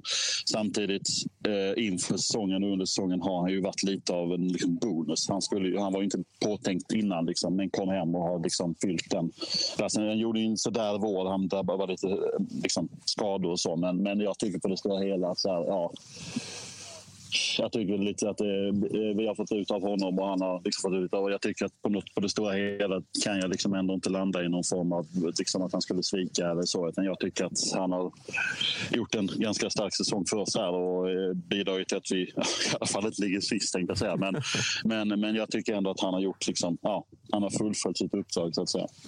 Eh, du, vi har, eh, Josip har precis fått eh, lägga ut texten om eh, alla skriverier och sånt kring, eh, kring Malmö FF. Jag gissar att det ändå liksom det hjälper ändå dig någonting i, i livsglädjen, va? Eller? Ja, det må man inte pissa och framförallt den här kravlistan de skickade till klubben. De skulle möta i cupen. De fortsätter ju cementera sig som Sveriges mest osympatiska. Så det är, bara, det är så jävla starkt det, att säga för att vara Helsingborg-supporter. Att vara Sveriges mest osympatiska förening. Jag, jag, ta de chanserna man får. jag, jag, satt, jag satt här, Olof, vi ska ha lite frågelåda här sista halvtimmen. Jag satt och kollade om det var någon öronmärkt fråga till dig. Och det här är, ja, jag, vet, jag hade inte tänkt att ta upp den, men nu när vi ändå pratar osympatiskt. Någon, någon Karl Olander. Jag tror att han typ håller på Landskrona Boys. Uh, han, han skriver, jag vill att panelen i tur och ordning med Olof Möller sist förklarar varför HIF är ansett, inom parentes, och erkänt som Sveriges vidrigaste fotbollsförening. även, även intressant om kommunen kommer behöva lägga ner några äldreboenden för att rädda klubben om det läcker ut. Just det. Jag vet inte om ja, du vill svara något på det. jag väl bara säga att det finns väl alltid plats på andra äldreboenden så det är väl bara ihop. Att säga. Och Det gällande var- att vara osympatiska klubbar, jag tycker det är ändå härligt när Landskrona Boys sätter sig på någon form av häst här med tanke på att de är väl snart i division 1 nära dig och jag har skrivit låtar om när de slog oss med 6-2 och sånt så att det är ju en klubb med ett, ett otroligt Lillebrorskomplex så att eh, de får väl gärna de får gärna come at me så att säga men det är ju det är ju en meningslös klubb så att säga. Såg du, såg du hur snabbt fokus skiftade när Malmö bet ifrån? Ja, men det är boys! Man får alltid försöka liksom hitta, hitta någon att slå på. Ja, just det. Man tar sina chanser. Jag fattar Ja, inte ja, så är det, Möller. Så är det. Hörru, är, det, är, det, är det måndag det är Värnamo, eller? Ja, och det är också skönt med ett cupdebacle för dem inför den här Eller hur? matchen. Det måste det ändå vara. Jag hörde ni var inne lite på det också. Jag hoppas att du får rätt Agge här i deras mörka höst. Men det är vinst mot Värnamo. Sen borta Värnamo är inte lätt. Det vet ju ja, några av er i studion också. Men, men, eh, men eh, vinst där så är vi bara två poäng efter Värnamo. Och det är ju ändå liksom, ja, då är man ju plötsligt där uppe och är borta från kvalplatsen till exempel.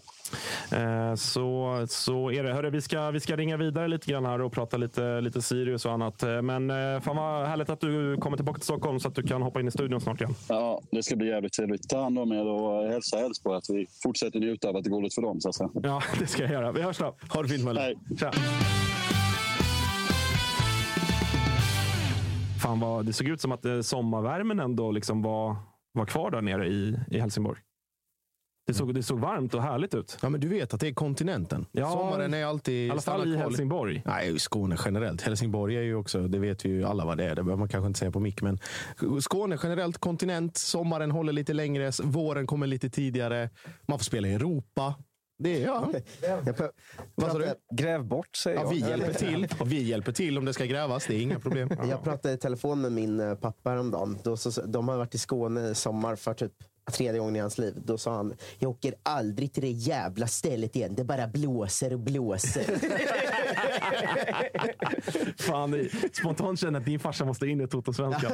Drömmen. Ja, kan vi ringa honom tro? Ja, han bojkottade ju två matcher i våras för att Theo Rask spelar från start. Så jävla stark. Fan vad skönt att höra. Profil. Pappa Tappen. Ja, otroligt. En alltså. riktig dåre får man igenom. Eh, vi, ska, vi ska också ringa upp här. Vi ska se om det funkar, eh, Kalle. Jag vet inte om du har lagt in alla nummer och sånt. Är det, är, Whatsapp som ja, exakt. Vi vill, eh, vi vill ringa Oskar Bernevall och prata lite Sirius. Hur är läget? Det är bra. Ni ser att jag har tänt ett ljus för Paka här. Ja, alltså, det är synd om Paka, men han, han, han lever fortfarande. Han är väl... Ja, okej. Ja. Ja, Det är fine. Det är fine. Jag försökte bara bidra till stämning här. Ja. Vi sörjer ju Ska vi, ja, eh, ska, knät. ska vi börja tyvärr. där? Fan, det var, vi pratade lite om det med i onsdags med Jocke som ju såklart också eh, känner mycket för, för Patrik. Vad, vad är dina känslor? Så här, eh, ja, det är nyligen som de kommunicerade att det är knät. Ja, det är väl skittråkigt såklart på många sätt. Framförallt, man har ju haft en liten relation med Paka sen tidigare på grund av att eh, det är en spelare man har lagt märke till och man har förstått att han är väldigt älskad i, i Blåvitt. Och han har varit omtyckt här också och varit rätt bra också på plan och så. Eh, Så att eh, kommer vi sakna honom både på plan och förmodligen utanför med. Det är typiskt när någon blir skadad att det är liksom en av de två sympatiska fotbollsspelarna i Allsvenskan som, som råkar ut för det. Men, En av de eh, två, så det såklart. Sa du en av de två? Ja, det, hur, många, hur många unnar man glädje i Allsvenskan? Nej, nej, nej. Jag, Haka. jag, jag köper det värre än andra. Karl Larsson också. Otroligt ändå. Karl Larsson är Ja. faktiskt... Eh, det, det känns som att det är svårt att tycka illa om honom. Jag, jag har ingenting på Karl Larsson mer än att han alltid är väldigt dålig när AIK möter dem. Ja, du ser. Han var ju framförallt grymt bra på den tiden eh, när Sirius gjorde resan. Nu är han väl eh, bänkad helt enkelt och spelar inte så mycket. Visst fan, visst fan är han, eh, han har någon ganska hög utbildning va?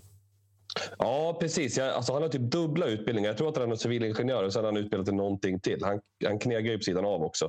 Som man gör i Uppsala. en klassisk Sirius-lirare på det viset. Alla gjorde ju den resan på, i division 1. Ja, det, det, ja, så som jag har fattat det, det, är liksom, det, det ingår i ansökan, både som spelare eller du ska ingå i, eh, i klubben på något sätt, att du måste ha minst 300 högskolepoäng.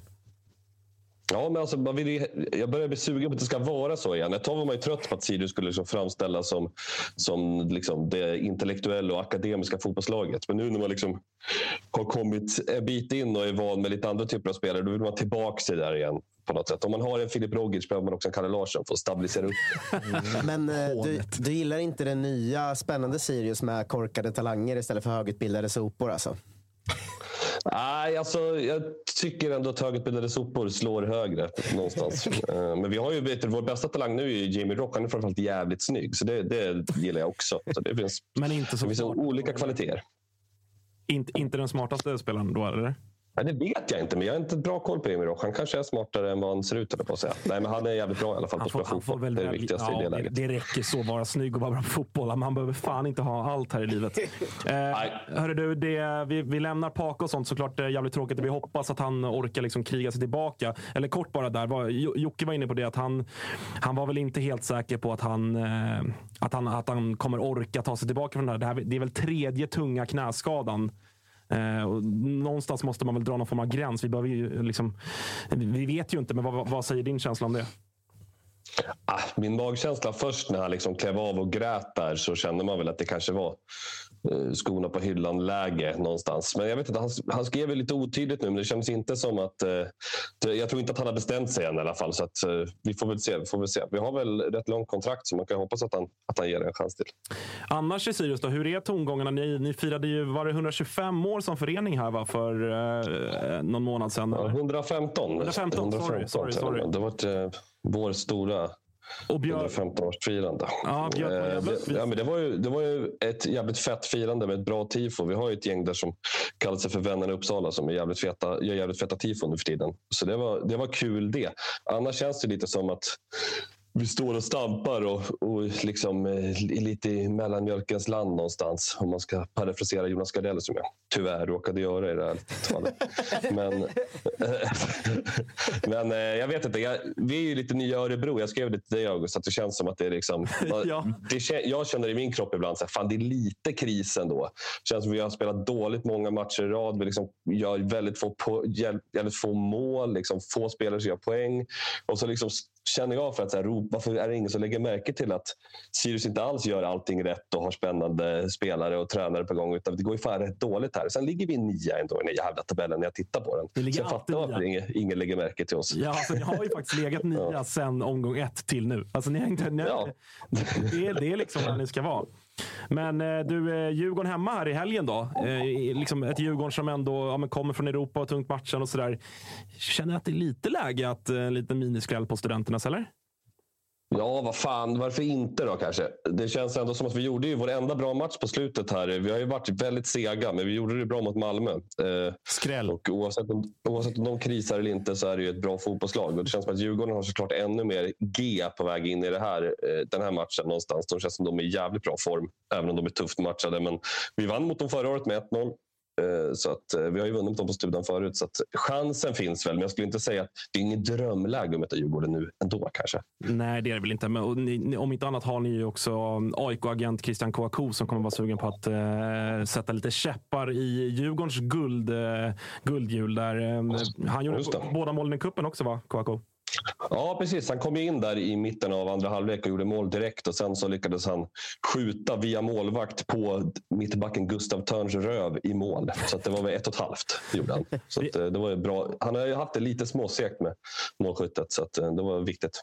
Vi har suttit och, och romantiserat eh, den här, just den här omgången av Svenska Kuppen. Känslan säger att du kanske älskar den allra mest. Jag vet inte vad, är det en korrekt liksom, eh, läsning av dig som person? Ja, men det tror jag är korrekt. Jag är ju småbarnsfarsa numera sedan två år tillbaka och kommer iväg på färre bortamatcher än vad jag skulle vilja. Men liksom bussen till, till Järnvallen, det fanns inte en chans att man missade den på en torsdagkväll. Så jag hängde i Sandviken igår. Det var väldigt det- mysigt på sätt och vis. det är 15 Käkade minuter någon ham, hamburgare med tre olika såser och inga andra tillbehör. Som en dröm. Vilka såser? Folk stod och pissade vid hela staket, både spelare och fans. För att spelarna typ hade ingen toalett. Det var långt till toaletten. Så. Kouakou kom ut från Bajamajan i första halvlek.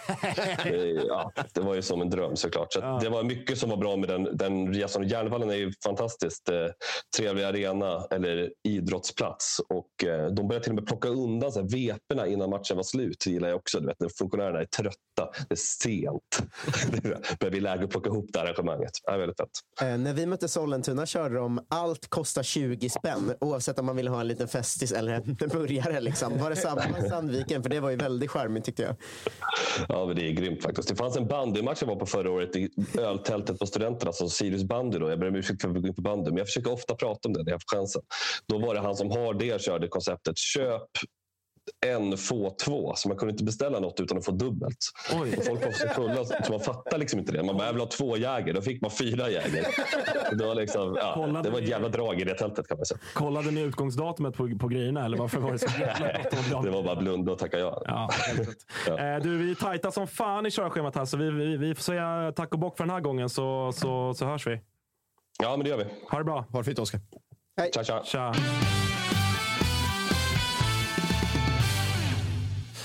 Eh, Järnvallen, eh, visst är det gamla... Det spelades väl VM där? Gjorde det inte det? Det vet såklart inte jag. Hur kan du inte... Jag, men jag tror att det är den liksom, eh, eh, VM-arenan genom historien högst eh, norrut. Någonsin. Jag, har för mig att den, det var en VM-arena under eh, VM 58. Ja, men det var svinlustiga arenor då, så det kan det vara. Ja. Det, det rekommenderar jag alla att googla, för det är en härlig lista att läsa igenom de som var VM-arenor 58. Eh, Med vänliga hälsningar August Spångberg, historiker. Exakt. eh, vi, ska, vi ska avsluta med frågegrejer, men vi ska ringa upp eh, Glenn bara. Jag, tänker, alltså, jag har en fråga egentligen. Hur fan mår du? Ja, två. Hur mår du och när spa- sparkar ni Jimmy Thulin? Sen tänker jag att vi, att vi lägger på. Så vi börjar med fråga nummer ett. Glenn Holmvik, hur mår du? En pissdag på jobbet. Pissdag på jobbet. Där har vi avsnittsnamn. Du, eh, när, när, man, när man liksom inte trodde, vi hade ju Cissi med i onsdags, när man inte trodde att det kunde bli värre så eh, såg, eh, såg gubbarna i laget Boateng och ligan till att eh, också eh, vaska Svenska cupen nästa år. Alltså, vad, vad, vad hände igår? Ja du. Eh, Det var ett bra lag ni ställde upp med. Nej, men så, det är så lustigt också för att vi eh, åkte på en nit för tre år sedan. Sista matchen innan pandemin, det var ju Oskarshamn i- borta i cupen. Förlorade med 2-1, Jesper Karlsson utvisad. Så det är ju andra gången ännu på tre år. Mot Oskarshamn? Sen- Ja. Ja, Är det sant? Så det, man är svarslös. Det, man bara så här, tänker runt, runt, runt cirklar. Det, är liksom, det går inte att komma på någonting. Det går inte att säga något. Nej, alltså, jag gissar att du såg matchen. Var, liksom, var det en, en underskattning eller är det bara, det är bara att konstatera och på något sätt försöka acceptera att ni är fruktansvärt dåliga på att spela fotboll just nu? Eller vad, vad är det som pågår? Det är väl lite som hela året i Allsvenskan. Vi vinner expected goals-tabellen, men sen så träffar vi blankgolv vid sidan av planen istället för målet. Det var flera lägen det var liksom... Till och med på övertid, Leo Väisänen, han stod vid straffpunkten. Blev inkast på det avslutet. Ja. Det, ni fick ju också njuta av eh, Adam Ladebäck som huvuddomare. Det var lite snack där efter, det röda kortet. Jag kollade på det här nu inför avsnittet. Alltså, det är hårt. Ett, det är ett hårt rött kort ändå, eller? Jo, det är det väl. Men alltså, det är svårt att prata om domaren efter den insatsen oavsett. Det går liksom Jag gav dig möjligheten bara. Jag gav dig möjligheten att skylla på någon annan. Ja, nej, det, det går inte. Eh, du, eh, vi, vi pratade Jimmy Tillin redan i onsdags. Det är ju, eh, jag sa samma sak till Cissi då, att när vi har haft med både dig och Isak och Jonas och Cissi under säsongen så har ni ändå liksom varit ganska sådär sitta ner lugnt i båten kring, kring Jimmy Tillin. Jag, jag ställer frågan igen. Vad känner du kring, jag gissar att ni inte kommer göra er av med honom här och nu, men om vi pratar till säsongen 2023. Tror du att han tränar i IF då? Eh, det tror jag faktiskt. Jag tror att förtroendet är så pass högt att han är kvar. Allting beror ju såklart på matcherna som, som kommer. Men det är också så här, det är meningslösa matcher allting här nu. Det, det spelar liksom ingen...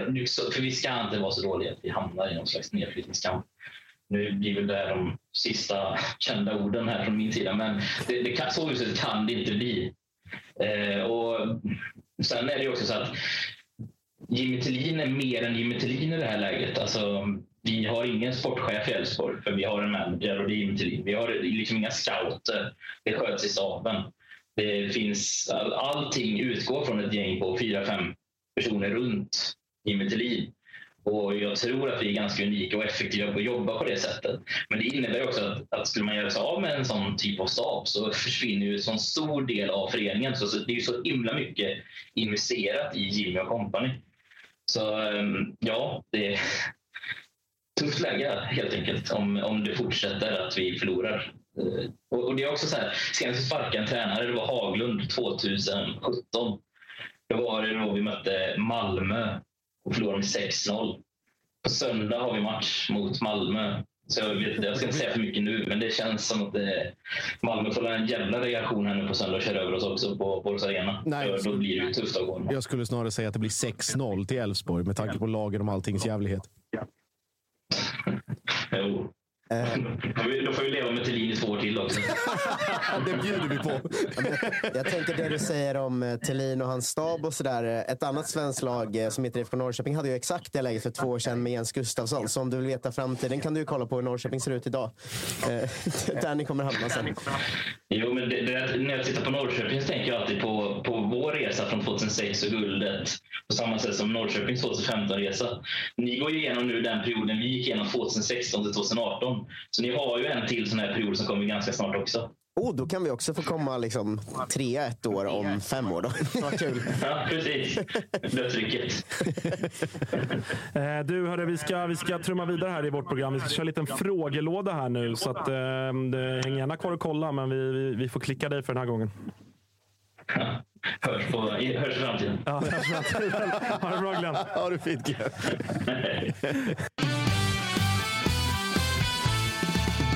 Fan, du är verkligen koncis i ditt eh, klickande idag. Eh, ja, Har men tid med dig mer. Vi har alltså så här, jag, jag har en tid att passa, därav, där, därav lilla stressen att ja, ja. 15.30 är max. Eh, hörni, ska vi, vill du bryta in med någonting, Kalle, innan vi, vi liksom tar lite lyssnar och tittarfrågor? Eller hur? Ja, men det skulle jag kunna göra. Vi har lite specialspel som Unibet har plockat fram. Nu kan ni ta en titt här. Och det är alltså att AIK, Häcken, Djurgården och Malmö tillsammans gör eh, åtta mål. På, eller ja, minst åtta mål på, på söndag då, till 1,85. Och det hittar ni om ni kikar in på Unibet och sen antar jag att ni söker på typ specialspel eller liknande. Det är en specialgrej eh, som är framtagen just för Tuttosvenskan. Så om ni är över 18 år och inte har problem med spel så kika in på Unibet och kanske ja, överväg att eh, hoppa på det tåget. Eh, tänk på stödlinjen.se om du har problem med spel. Eh, Känns det är alltså att vi tror att eh, AIK, Häcken och eh, Djurgården gör åtta mål eller mer. Och så har vi bara tagit med Malmö trots att vi vet att de nollas ju såklart. Jag tror det är sin- 100%. Alltså ska Elfsborg hålla nollan? Har du sett dem förs- försvara? Har du fotboll? sett vilka de möter? Jo, men har du också sett Jarue spela fotboll? Alltså wow! Wow säger jag I och bara. för sig, Romain Gall är ju het nu. Så. Ma- eller Malmö. Patriot, eller vad var det du sa här innan vi klev in? Patrioten. Eller Malmö, Malmös otroliga anfallskonstellation med Isak Kristelin och Buya Turay. De har gjort en, en själ glad sen Fan vad jag garvade åt det. En Malmö-support som jag följer som skrev på eh, Twitter att så här, är, vi, är vi säkra på att han inte gjorde tvärtom? Att det var eh, allsvenskan Buya Turay skickade sin bror till och gick själv på bröllopet. Jävla bra vinkel. Ja, för det är, inte, det är inte en stark start han har haft. Alltså. Nej, det, Eh, det nej, det får man det. säga. Det, det har sett sådär ut. Men hörni, vi går vidare med lite, lite frågor. här. Det är som väntat högt, högt och lågt. Mest lågt. Mest lågt, men, men en del ändå liksom ganska roliga frågor. Jag tänker att vi börjar med, eh, det är samma Carl Olander som körde Helsingborgsranten där. Han vill att Josip Ladan kör en fuck, marry, kill. Många fuck, marry, kill. Eh, som vi, vi ska ta några fler. Men han Han vill att, säger något om lyssnarbasen. Vi går raka vägen dit. han Alltså. vill att du ska göra en fuck, marry, kill på, på Tapper, mig och Jocke. Ja, den är ju given. Tapper har ju redan svarat på, på, på den. Jocke ryker ju snabbt som satan. Helvete vad fort det går. Inte ens öppna munnen innan det sitter någonting i levern där. Eh, sen är det ju jag och Marcus mot, eh, mot stjärnorna och evigheten. Och mig skinkar du på. Ja, det, får bli, det får bli en liten vänsterprassel på något sunkigt hotellrum. Jag Ja, gjorde. ja, ja, köper så är det. Eh, jag- jag tycker ändå att Fuck, kill är lite roligt. Det finns en här som vi inte riktigt ska ta tycker jag. Det känns, känns inte schysst. Men ändå lyfter du den lite grann där. Nej, men vi, vi kan ta de andra då. Eh, här är liksom en tränartrio, fuck, marry, kill. Eh, Bartos, Daniel Bäckström och Jimmy Tillin. Om Tapper, Tapper kan få börja eller svara på den. Ja, Bäckström är ju IFK Norrköping-supporter så jag gifter mig med honom såklart. Trodde du skulle säga så att jag dödar honom. vilka var det mer? Bartos och... Bartos och eh, Jimmy Tillin. Jag dödade Jimmy Tillin. Såklart, för Elfsborgs skull och för att jag aldrig mer ska behöva höra ordet projekt. Och sen ligga med Bartos för han har vackrast hår i hela Sverige. Ja, det har han faktiskt. Sant. Eh, Bartos, eh, du håller med om den eller? Ja, ja, den är, han har ju facit här. Jag, jag hade väl kanske gift mig med Bartos i och för sig. Han är en väldigt sympatisk eh, människa. Eh, här är också Davva som är inne och frågar lite. Han undrar eh, vilken är den bästa bortaresan slash bortastå? Rivalitet och så vidare är ointressant. Mm. Så att det inte liksom har derby. Utan liksom bara rent eh, rolig resa om bra, bra bortaläktare. Eh, för, för mig, eh, det, det är ju inte bortaläktaren utan det är väl resan i sig. Eh, Blåvitt. Eh, det är... Eh, Bortaläktaren är ju ja, den är katastrof. ja, den är katastrof. Sen är det ju bästa bortaläktaren finns ju i Borås. Och sen är inte Häcken långt bakom där. Så det är mycket västkust för, för Malmö. Jag skulle säga en trio där jag har två samma. Att jag tycker Borås, Häcken och Sirius har väldigt härliga Ja, borta- Sirius är bra också. Det är bubblare. Det är bubblare. Ehm, en träläktare eh, som man kan eh, råka tända eld på om man kör bengaler. och sånt. Eh, men, eh, nej, men eh, de tre läktarna är väldigt, väldigt härliga och eh, alltid så här trevligt omhändertagande och, och nice matcher. Liksom. Mm. Ehm, sen finns det ju några om man ska vända på frågan så eh, att du nämner Blåvitt är ju intressant för den och liksom Ja, men det- Friends och några till är ju bland de värsta Ja, ja, ja. som Alltså, man har i. Ja, nu, nu var ju Davas fråga tudelad. Så jag sa resan, Mm. då är det ju Blåvitt away. Den är alltid, alltid dunder. Ja, jag är lite, det är svårt det där att, alltså så här, det är svårt att bortse från rivalitet och, all, alltså sådana parametrar Mm. också. För mig, så här, jag, jag älskar ju Malmö borta utifrån att det är en ganska bra bortaläktare. Vi har haft tågen di- dit ibland. Jag Så får ni Köpenhamn. alltid spö. Ja, men så här, vi förlorar ju alltid. Och, alltså, så, här, på det sättet är det ju Ja. piss också. Men jag, jag tycker också att Borås är ganska underskattat. Det är en, en bra bortaläktare, det är liksom rätt bra avstånd och, och sådär. Så att eh, Elfsborg borta är väl, och nu har jag ändå liksom lyckats vinna där ett par gånger senaste, senaste åren. Så att det, det, det är väl bra. Men resmässigt är väl alltid så här Degerfors, Mjällby och sådana mindre också jävligt eh, Mm. trevligt. Jag ska Ja, ja. slänga in att jag har ju en jävla bortaresa på gång. Alltså. Sundsvall away. Eh, en söndag klockan 15.00. Vi blir ett gäng på 10 som har hyrt ett jävla hus med egen bastu och brygga fredag till söndag. Där eh, så, att, eh, så att vi kör en helhelg och badar och bastar och super i Sundsvall och sen eh, spelar lika mot dem och blir ledsna. Bjuder in Martinsson också eller? Nej. Ja, Martinsson kanske får komma förbi och säga hej, men inte mer än så. Nej. Han drar ju ner stämningen så mycket. Ja. Alltså, det- det Någon, när den första av dina polare hittar Martinsson på botten och bara “Inte nu! Inte nu! För helvete!” Vänta lite. Nej, det, det luktar ju GoPro och direktsändning hela helgen. faktiskt. Som jag fattat det ingick i det här eh, huset vi hyrde så ingår en trampbåt. Så det kan ju vara så att det är jag som Oj. ligger på botten av den där jävla sjön. Eh, på tal om GIF Sundsvall då. Här är Linus Hellgren undrar vilket av bottenlagen är sämst i en kvalmatch? Jag gissar vilken som liksom har, har tuffast i en eventuell Ja, det är kvalmatch. Giffarna. Och det är GIF. Ja, men det är de GIF. kan ju inte få kvala. Nej, exakt. Men om de nu på något sjukt Ja. sätt lyckas göra det så torskar de ju kvalet oavsett vilka det blir. Mm. Så, så, så är det väl. Eh, här är discodirektören som är, är, är stor aik som Han har ett, ett par frågor här. Jag tänker att vi, han undrar när Josip ska släppa en standup eh, med sina imitationer. Eh, Jag tar det också med min andra agent parallellt. Jag har ju två agenter. Jag har ju Marcus Tapper och jag har Thomas Wilbacher som synade mig och min framtida karriär här nu i mitt arbetslöshetsliv.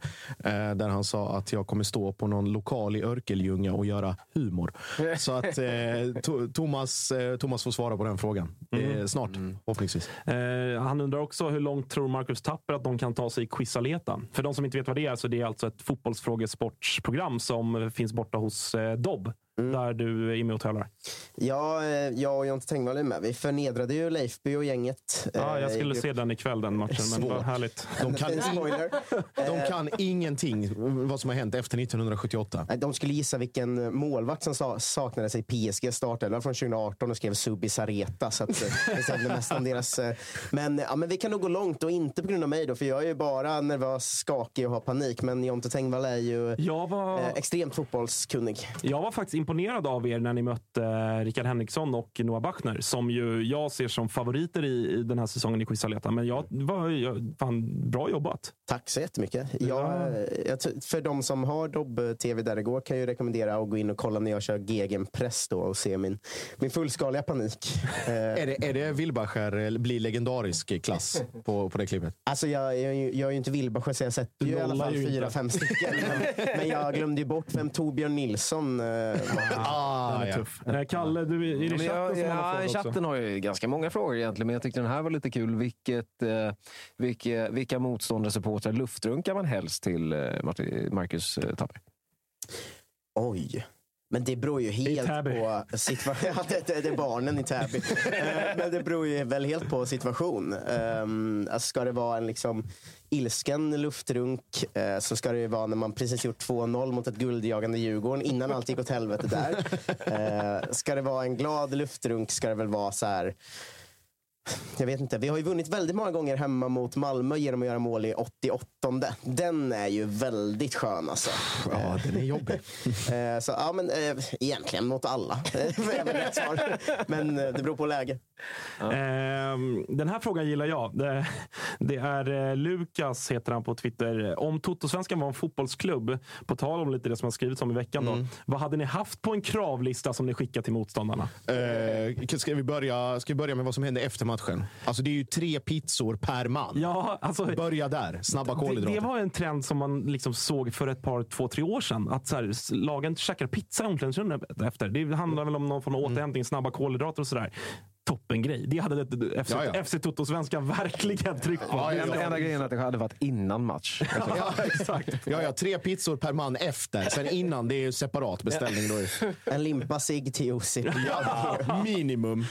Eh, helst med kyrilliska bokstäver. Det är väldigt specifikt. Det är på min rider. Liksom. Kyrilliska varningstexter. Eh, och jättehemska bilder på organ och sånt. Det, det, då vet jag att det är riktigt bra. Eh, vad fan har vi mer? Ja, vad hade vi? Du tappar hårband och sånt. Så hade du velat... Ja, jag, jag har ju Sigurdsson Ja, det är så att jag behöver ju hårband eh, såklart. Eh, Eh, tre, tre, fyra plattor bärs. Ja. och eh, fula substanser som vi inte kan nämna vid namn. eh, Exakt. Det hade, ett krav hade varit inga, inga dopingkontroller efter. Eller en så kallad västkusts räksallad. Ber- Bernhardsson, Elfsborgsgrejen, det är våran Jocke. Räksallad special. Skit i honom, dra bara. Han får lösa det där bäst han vill. Ja, helvete. Eh, ja, och så massa medicin till Svanemar då. Ja, Han exakt. Allt från pollen Jag, jag till löste ju igår. Jag löste ju igår grejet Sanemark, så att han borde vara frisk här om ett par timmar. Eh, vad ska vi ta mer då? Det är, har varit mycket frågor kring liksom vem skulle vinna fight eh, av oss som är med här i Toto-svenskan. Och så. Jag svarade i, Pal- i Kalle där. Kalle hade ju kört vapen. Absolut. Ja, exakt så är det. Ja. Ja, men fulknep enbart såklart. Skärp, eh, alternativt kniv. Snabb kniv, sån här liten fäll. Så. Eh, Här har vi en fråga från Mr Josh. Eh, vad har ni för drömgäst? Eh, realistisk då, i Toto-svenskan. Uff. Eh, Fan, det är en bra fråga. Ja, svår alltså. För då tänker man ju att det nästan ska vara någon allsvensk spelare eller tränare, men de kan vi väl nästan lösa. alltså, Ja, och sen är det ju också så här... Det ska inte vara för realistiskt, då blir det inte kul. Alltså, det måste Nej. vara lite. Nej, men det får inte vara för orealistiskt heller. Alltså, det var kul med Obama. Ja, nej. Spelare är ju också oftast vad det är. Alltså så här, man får också tänka på okay, hur roliga hade de kunnat vara? Hur mycket hade de kunnat säga? Eh, så att jag tycker det är svårt det där med spelare. Men finns det några gamla spelare som liksom eh, bara tänker högt? Det är svårt det där med, med drömgäst tycker jag. Jag skulle vilja se eh, Kenny Pavey, Marcus Rosenberg och Pontus Wernbloom på varsin stol. Tre öl in var. Ja. Alltså bara för att. Ja. Och så får, får vi liksom så här ratta dem via någon, eh, någon eh, eh, liksom, eh, mikrofon eller någonting och bara liksom pusha på vad de ska trycka på. Ja, nu kommer jag på vem jag har. Dooley Johnson. Dooley Johnson. Och då har jag René Makondele. När han, och, och då måste han Och sjunga Yannick sin egen... Papupa, eller? Ja, nej, René måste sjunga sin egen ramsa. Världens bästa ramsa. Eh, och Makondele, Makondele René. Ingen vet var han kommer från eller hur gammal han är. Ingen vet vad hans förnamn är. är väl? Ja, eller någonting. Skitsamma. Ja. Men eh, kanske han, han mannen i råttmask. Han är programledare här idag. Exakt. Men jag tänker, jag tänker Wilbacher och Laul dela mick någonstans här. Hade varit något Ja, det är, Alltså ja, jag kan säga så här. Om Robert Laul någon gång gästar Toto-svenskan, då kommer jag aldrig mer tillbaka hit. Ja, det sa du om Marcus Tapper också. Pengarna talar, August. Jag visste inte vem du var. eh, här är en Big eh, Phone, eller Big Pone, Big Phony tror jag att han heter. Om ni fick välja topp tre av de allsvenska tränarna att ha som helgpappa, vilka skulle ni välja och vad skulle ni göra tillsammans? Åh, eh, ska jag börja? Nummer ett helgpappa i hela allsvenskan tror jag är eh, Brännan. 100 procent. vad hade ni gjort då? Ja, förmodligen väldigt mycket fotboll. Det hade varit väldigt tyst ett tag. Eh, bara så här, liksom, titta, titta in i skärmen. Och Det säga så. säger mycket om dina liksom, trauman, att du vill ha en pappa som bara är tyst. min, farsa, min farsa är väldigt tyst, så det hade inte varit så jävla stor omställning. Så väldigt mycket titta in i skärmen och sen med så här, kommunicera genom suckar. Så här. Ja. Och sen då efter matchen prata om den och sen gå ut och äta något, något gott eller någonting. Så jag tror att det, det hade varit jävligt, jävligt kul. Men om man får ta sådana som var tränare när säsongen börjar, är ju Norling ingen, ingen dåligt förslag heller. Vart Man hade ju orkat en timme max. Nej, bara mysa en hel dag med Norling. En regnig söndag, en höst regnig söndag. Bara ligga hemma och bara liksom... Och Rickard Norling sitter och läser sagor för Ja, Pappa, pappa, kan du sluta prata med Pense nu? Nej. Eh, jag hade ju velat... Eh, jag hade tagit Micke Stare också. Jag hade velat kröka med Micke Stare. Intensivt. Ja, Helvete. alltså då, då, då, precis. Då, Men då- kanske jag är 17 år. Ja, då. men ska vi dela frågan då? Alltså helgpappa som liksom mellan, eh, mellan 4 och 12 och sen helgpappa 13 till 19. 4-12 tar jag nog Glenn Riddersholm, för att då hade jag haft lite jävla hyfs vid det här laget. Alltså, vad tror Ja, men 13 till 17, då är det 100 procent. Alltså det, det är ju Stare, så att det skriker om det. det är, jag tror Norling också. Där hade det nog kunnat Ja. skeva ur deluxe. Eh, och sen, vad fan ska man mer ta? Högmo är ju sånt som har liksom mysgubbe-stämpeln på sig. Ja. Jag vet inte. mer. Alltså, vi, har ju, vi har ju tips från liksom. chatten här som jag tycker är ganska bra. Med Jögga Lennartsson såklart. 16 bira var, plankstek på Grilla. ställe. Ja, exakt. Men det kommer till det. Sen är det plankstek och lite Jack Vegas på lokala pizzerian. Och sen är det grilla flintastek på kvällen. Okej, Jögga ska... Jävla Vi får dunderlördag. bortse från att han har fått sparken och så, men, men Ja. Jögga hade, hade man absolut kunnat, eh, kunnat tänka sig. Eh, ska vi se här. Ja, här är någon kort fråga då, liksom, om ni, ni behöver liksom betta ert hus och hem på vilka som vinner SM-guld i år. Tyvärr Hammarby. Ja. Inte Malmö i alla fall. Nej, eh, jag tror eh, om det, om det i det långa loppet blir, vilket jag tror, mellan, Hus och hem. mellan Häcken och, och Bayern så Hus och hem. Bayern. Häcken. Säger, säger jag. Här är någon som undrar vad Tapper springer eh, en mil på. Ju att önskar att den, springer en mil. Jag önskar att den frågan ställdes för liksom 11 år sedan. Eh, inte nu. Det många inte vet om mig är att jag har ju ändå satsat på hockey en gång i tiden. Det är svårt att tänka sig idag. Eh, och då Vita sprang- hästen eller? Nej, LHC såklart. Tyvärr LHC. Det fick Aj, aj, aj, aj. jag, och på tal om eh, pappa som nämnts två gånger i det här avsnittet nu. Att första träningen när jag var sex år gammal, när jag kom hem, så sa han så här. Du får gärna hålla på med, med hockey, men börjar du hålla på LHC så dödar jag dig. Jo, det är Sa han sant. det? Ja, det är sant. Eh, så jag spelade där och var tvungen att göra det tydligt att jag inte höll på dem hela tiden. Men, Klubben. Klubben. Eh, men eh, då, då kunde jag springa en mil ganska bra fram till jag blev 16-17 och slutade med det fortsatte äta. Eh, men nu, det skulle ju inte gå. Det skulle ju gå på en, en timme och tio kanske. Det är ändå, det är ändå okej. Alltså, Nej, det är väl inte okej. Vi Peter sitter, Antoine gör ju det. du är ju lite Toto-svenskans Peter Antoine. Eh, här är någon som undrar eh, om Thomas Wilbacher är våran chef på något sätt. Eller liksom eh, kopplingen till Toto utgår från att Wilbacher är er chef. Eh, Svar ja. Ja, han Han, han är väl det. både vår chef och andlige fader, största kritiker men också Nummer största försvarare. Ja. Eh, Så han, är, han är någon form av liksom, eh, han är med oss, den gode, den gode Thomas. Eh, ska vi se, vad har vi mer här? Det är en del sådär lite större frågor som jag tänker att man får, eh, man får ta i något, eh, något annat liksom, avsnitt när vi har mer tid till det. Eh, eh, eh, ska vi se. Har du, här är Linkan, en AIK-supporter som alltid frågar i alla sådana här, liksom när det är frågelådor. Hur är läget? Det är alltid hans liksom bara. Hur är läget? Ja, men det, det är bra. Det är bra. Tre plus. Tre plus fråga. Eh, ja, vi kan avsluta med den här. En sista fråga innan vi, innan vi checkar av. Vilket, eh, vilket lags supporter är egentligen de gnälligaste?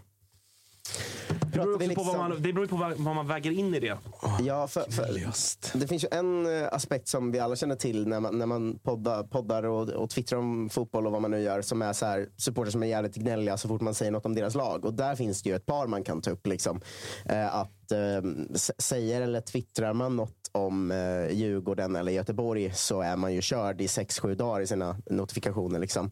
Eh, sen vet jag inte om de är gnälligast på riktigt. Det är ju fan, vi är ju up there. Vi är ju gnälliga så in i helvete alltid, eh, vi IFK-supportrar. Malmö-supportrarna, vad, va har de senaste året? Eh, CL-gruppspel, eh, SM-guld, cupguld och Europa League. Och gnäller så som de gör nu, så de kan ju dra åt helvete allihop. eh, men, men det finns ett par, men de som är gnälligast eh, i relation till vad man sagt, om man, om man hånat dem, det är fan göteborgarna så tror jag. Ja, jag tycker inte Göte, jag tycker göteborgarna är liksom i sammanhanget ändå hyfsat sådär sympatiska. Djurgårdarna, vi pratade om det här i onsdags, de är ju, tycker jag är de absolut oskönaste. Men de är inte så gnälliga, utan de är mer bara liksom osköna. Alltså verkligen på ett onajs sätt. Ja, men nu menar jag gnäll om vad man har sagt. Ja, ja, men, Så- ja men absolut. eh, Men där är Djurgårdarna, de gnäll, det är inte liksom regelrätt gnäll, utan det är mer, de hugger tillbaka och de blir typ personliga och de, på ett annat sätt. Men det jag skulle inte liksom definiera som gnäll. Jag vet du vad? Köper det. Köper, köper det. Nej, eh, AIK för mig är up there. AIK Bayern. Djurgården som du säger, det är en annan typ av gnäll. Blåvitt är ju Blåvitt, så det får man ju ta för vad det är. Men AIK och, och Bayern när det kommer, liksom, som du säger, om du tycker att eh, Blåvitt folk blir personliga, eller Djurgården eller vad du nu sa. Det är de, alltså AIK och Bayern tillsammans. pff, Det är, för det, det, det, är liksom, det är inga det är inga liksom, Twitter-användare. Det är liksom en hel kolonn av högafflar och eldfacklor när de sätter fart tillsammans. Så det, det skulle jag säga är de två i så fall. Vi slår fast att det är Malmö då. Ja, det, det är Malmö FF som är de eh, absolut gnälligaste. Eh, Absolut sämsta. Hörni, eh, vi, vi tackar för idag tror jag. Vi, vi är tillbaka som vanligt på måndag och kommer vi prata om, eh, om helgens alla matcher. Det finns ett par godbitar där, Kalle. Vill du, Så är det. vill du ta hela Unibet-grejen igen eller? Eh, vi kan ta den som vi kikade på. Det var ju då eh, att AIK, Häcken, Djurgården och Malmö tillsammans gör minst åtta mål eh, i, i sina matcher. Då, till 1,85 borta på Unibet. Kan ni kika in på lite grann? Fan vad man älskade lösa fredagsavsnittet alltså. Ja, så Underbart. jävla fint. Det, det borde alltid vara så här. Ja, verkligen. Eh, vi får se om, eh, som sagt, jag har fixat lite grejer åt Kristoffer Svanemar så att han borde bli frisk här vad det lider. Eh, vi får se om han är tillbaka på måndag eller om ni får stå ut med mig då också. Tack för att ni har tittat. Eh, vi eh, hörs och syns. Hej! Hata Kalmar.